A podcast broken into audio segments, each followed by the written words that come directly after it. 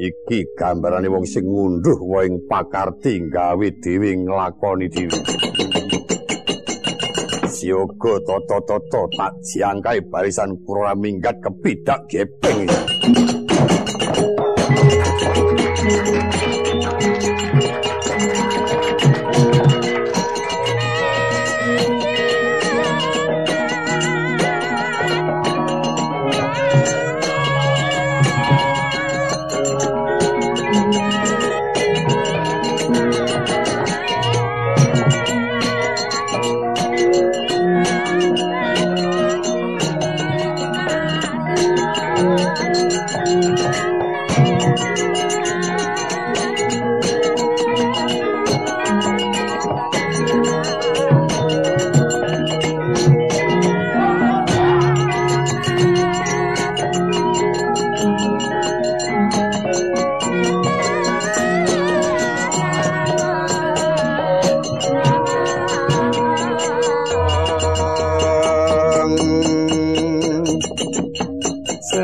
kumrego tambyuring wareku mleping tirta sumunduling wentes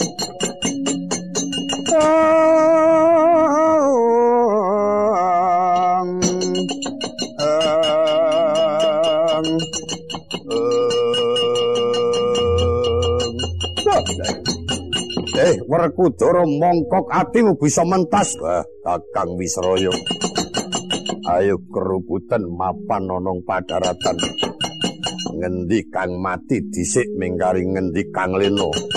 Sumurupa ing gerdopati kakangku sak gajah mati tanggo ancik-ancik mentas. Wah kendarat gulu mutroni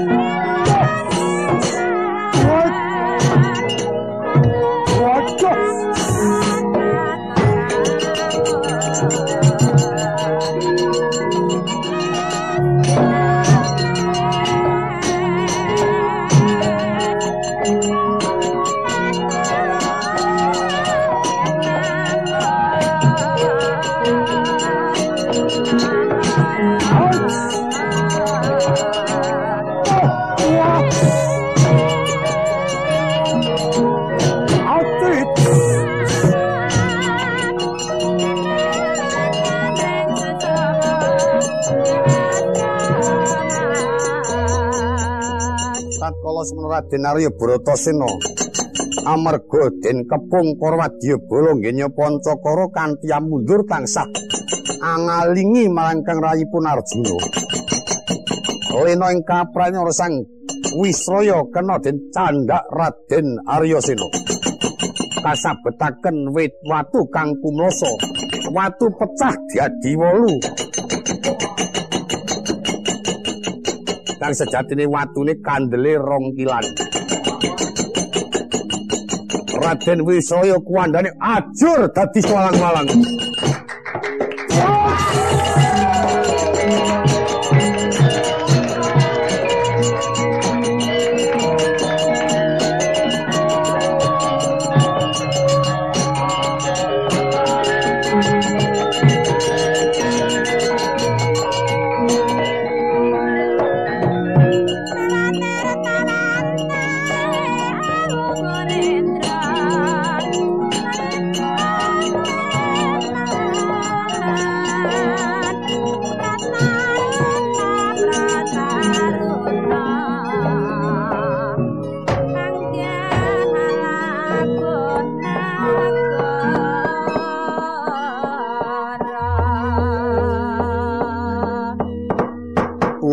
ing sir latri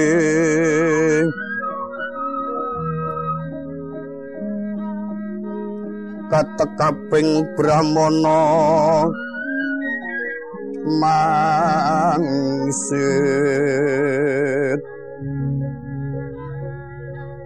Mulat ing gagana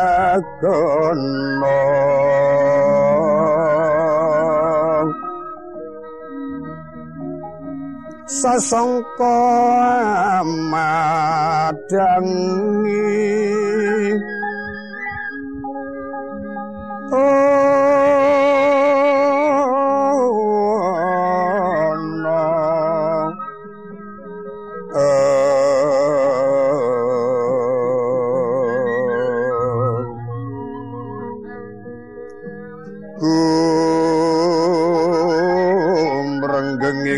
patrapaan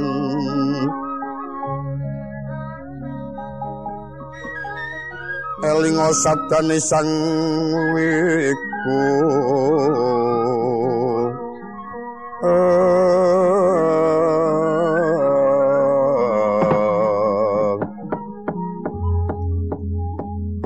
Lamprung kula kang mas Kakang Gerdopati, Kakang Wisraya wis tekaning pati, kula nulingi syukur bejo sewu. Ateges kula kalian Kang Mas sampun uwal saking beboyo yo mung carane lar bali kepiye. Awit dikepung wadya bolo kang tanpa wilangan kaya mengkono.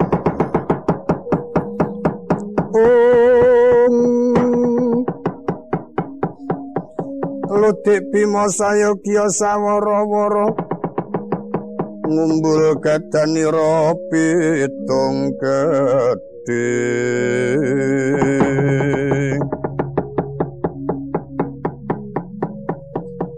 nebak jajan ucup ludira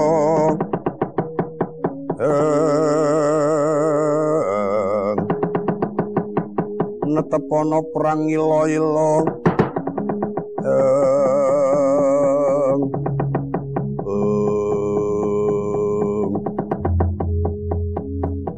Arya Sena mulat marang para wadya bolo kang persasat tepung gelang.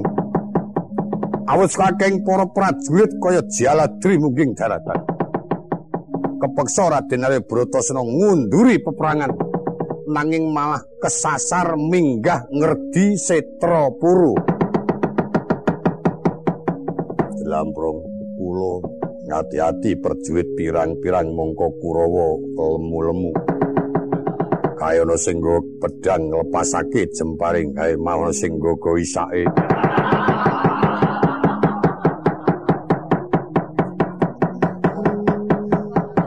Inggi wangune kae sing ngabani perjurit kae. Ah kae lajeng kados bunin eh kanca maji perkutara jar kok ayo ayo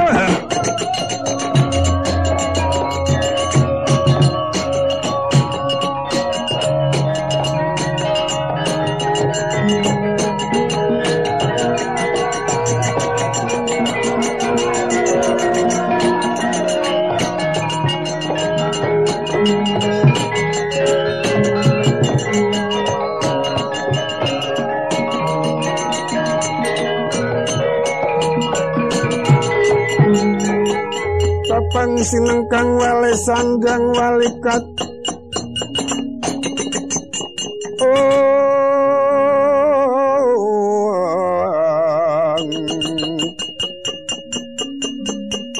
Wali sandang walikat godek wok simbar jojo.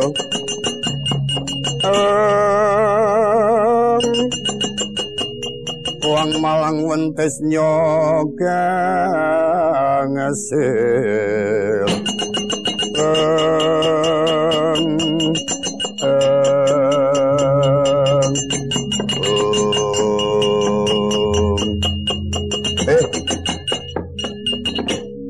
Janaka karo Werkudara do lunga. Wela dalah. Monggo miturut kabar sing jenenge Dian. Werkudara karo Dian Janaka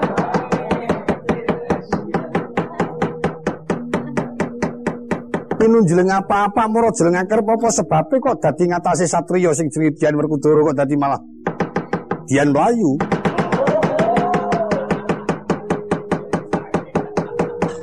Eh, ojo ngani kelayatan. Gandeng dhewe keplayu nyekel gegaman dikrutuk gegaman, wangune dhewe kesasar dalane munggah Gunung Setrapuru. Eh, kurang bejo mah mati pangan macan nggih.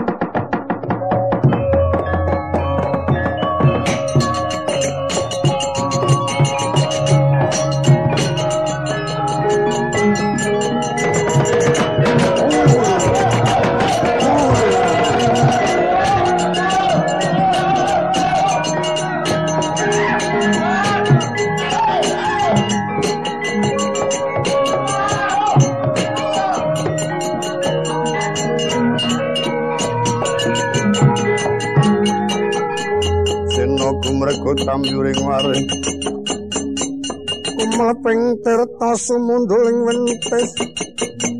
Mula trisang ngambur katon kumambang tengahing samudra.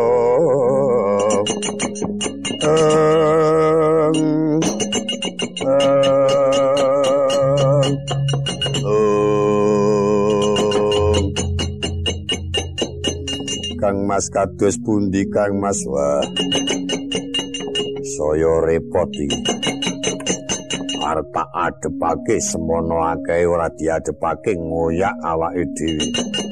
Mongko wis kesulak wengi meneh. Kados pundi wis mlayu iki awake dhewe nglakoni pisah karo sanak sedulur. Iki gunung endi aku bingung Kinarito Rikala Raden Arya Sena Raden Janaka kepelajar saya dangu saya minggah onong puncahing Gunung Setrapuru sinerang para wadya bala cumlorting jemparing tumbak miwah pedang. Ingkang ambujung marang Raden Arya Bratasena senadyan to kula nlusuk wonten madyaning wono. Akeh satu galak satu mandi prandene satu sembowo paksaka singa ingkang mangerti mangsang andung mlajar kabiandem saya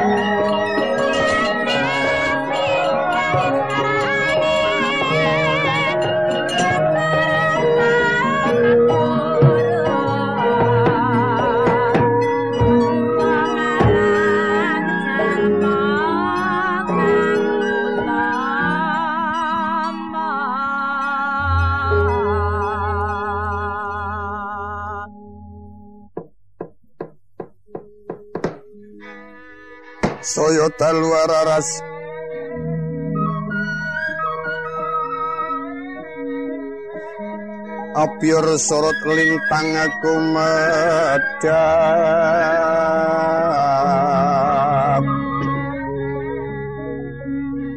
Titis sonyo matyo latri lumrang gandaning puspita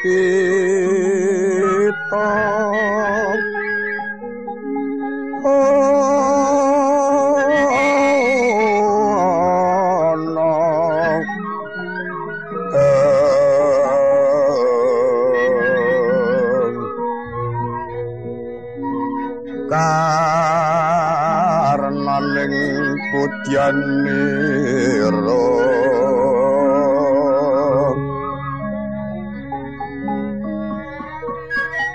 sang duwi jawa rembrengeng lir kumaraning madu bronto.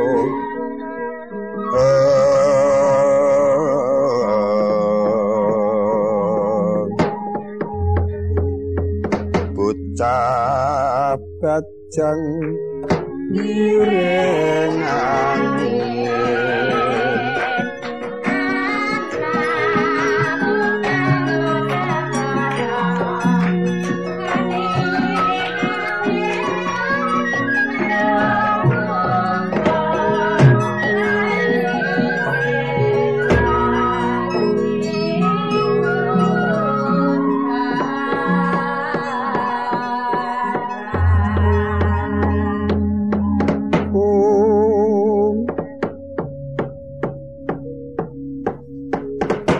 rikala semana.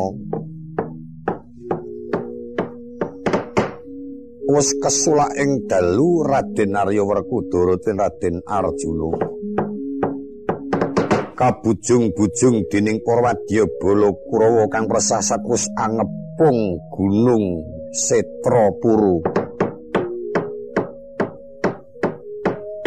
Ing ajeng wis kacarita bilih wis nrajang tepasing wana nlusup ing perjaten senajan to ing kono papan kang gawat saknyatane kaloko akeh satu galak satu mandi.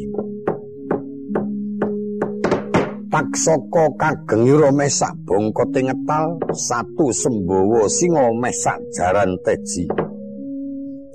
Ewadini uning yen tono satriya kang andong topo manjing tenging papan garumbul. Samya lumaris datan wenten kang angru beda mung sesambatipun Raden Arjuna. Ingin tansah angarwara yayasen dereng kapipiting maruta. Awit wonten puncing arga kang sanyatane tebih kiblat lor tebih kiblat kidul apa maneh wetan lan kulon. Tan ana buga apa maneh warih? Ingkang kinarya ngunjuk sesepaning gedebok apa dene sesepaning kayu-kayu kang teles. Ingkang kinal dedaran yen to ana kleyang tiba sanget nggenira trenyuh Raden Werkudara Raden Arjuna. Mapan iku sutaning satya kang gentur tapane rikala semana Atmaja Prabu Pandhu Dewanata senajan to titamerca padha kinasih marang Jawata sangka sungkawan Raden Arya Sena Raden Arjuna nimbulaken pangaribawa goro-goro ing langkung ati.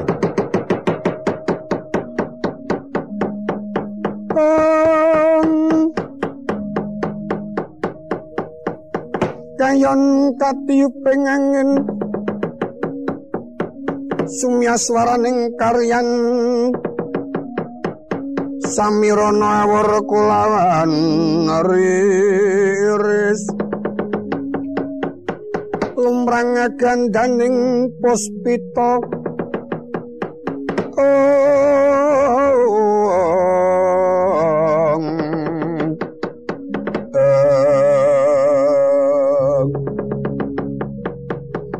Sonyo madya trik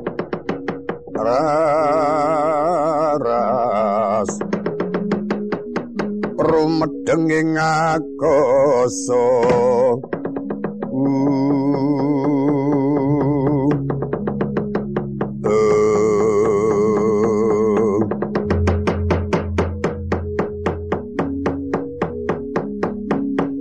swaraning goro-goro kang yen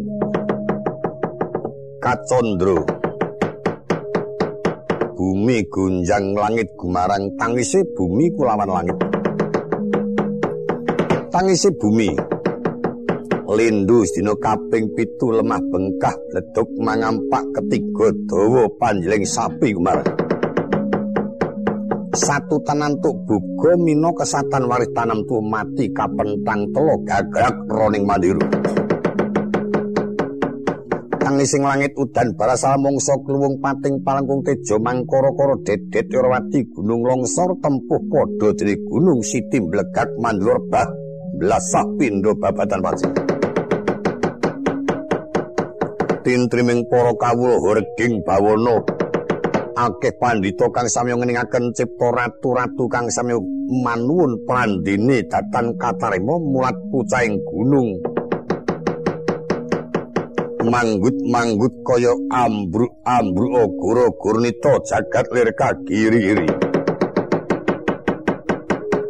bumi lalangi kotang ketapa lintang pindori nontok rontol dijadatit pating kelawer celara taun pating celorot. Gumaluduk suaning kawah tirta kang kinebur kebur kinucak kucak gambira loyo.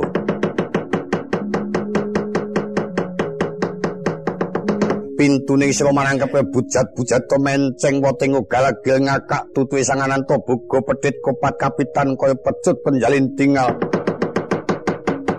gunung jamur dipo kaya gempal gempalo pating bleber para widodara widodari apsara apsari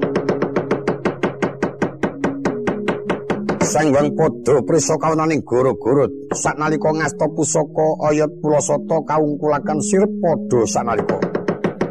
Sirping goro-goro swara kang tanpa sangkan jemegur ing akasa kaya belah-belahna bumi.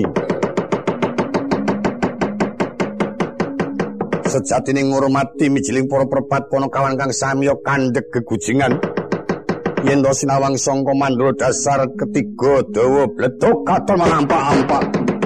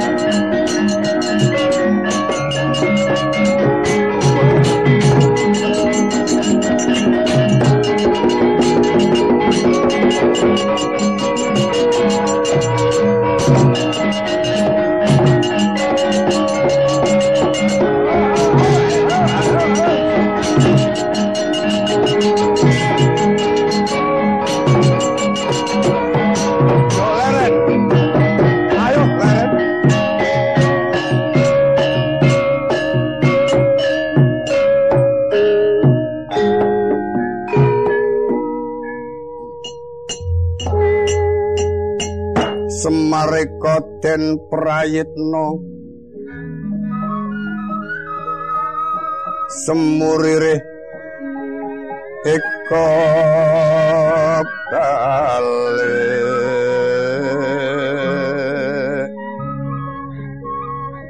Titi yani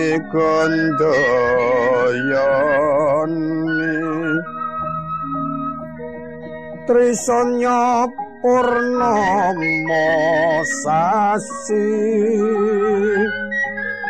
Om.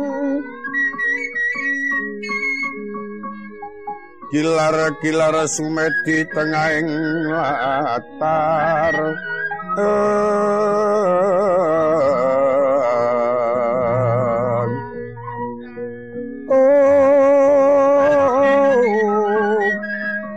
Milang ana lintang bimo sekti. Katon nabyur ing akasa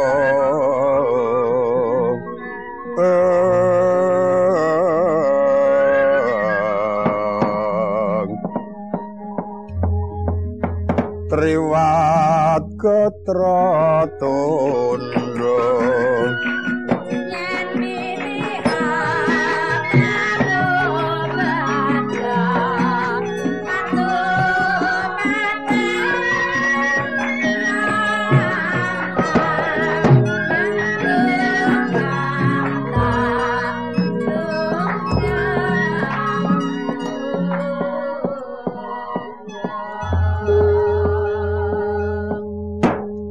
Seka rumangsaku ndi anak telu kok nggege karo patine wong tuwa kuwi.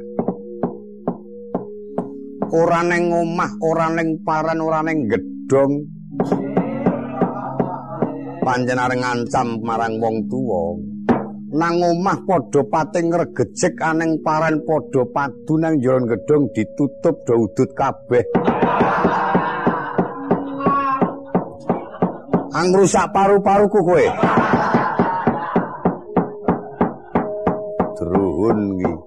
Lah kok cah telu do uleng-ulungan aku kurang adil apa? Hm? Karo kowe. Aku dadi sesepuhmu sing wasani karo kowe kabeh kurangane apa wong tuwa kelonggarane? Do arep ngaso tak kon ngaso, do arep mangan tak tukokke nuk. anjaluk ganti tak sediani ning dijejerke meneh.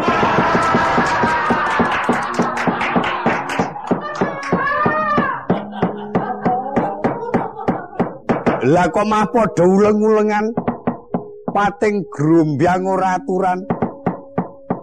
Tak titik takon sinau sing apik ana seni. Gareng karo Petruk panjen dorakur. Petruk slendro garenge pelok. Ngrebape buka anjlok sak kelem. Kemenge. Ha wong ngrebab sing dinceng pitik.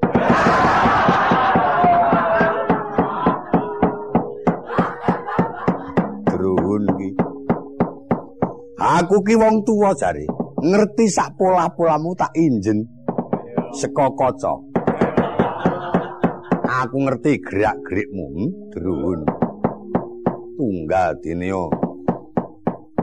Sopo sing ngenong Bagong apa mau? Wong kena ngenem kok nutuk dodo.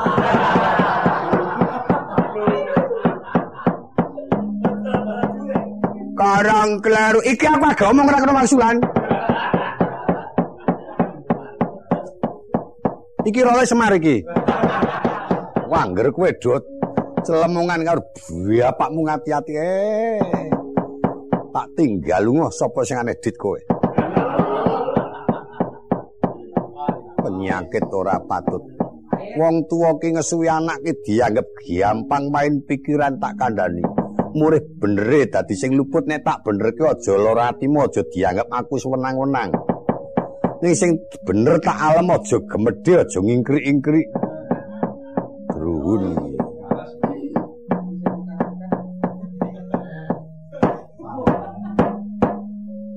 Pun rampung napa, Pak? Heh? Mpun rampung. Urung.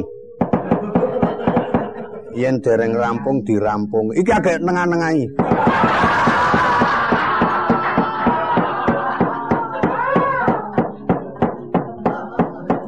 Perlu niku kula dene wektu arep wangsulan ngaten, Pak. masalah. Kula wong telu do antem-antemane. Anjo nek karo rombongan dhewe do gelut ngono ki paedahe apa? Do rebutan apa? Kurang po jarume?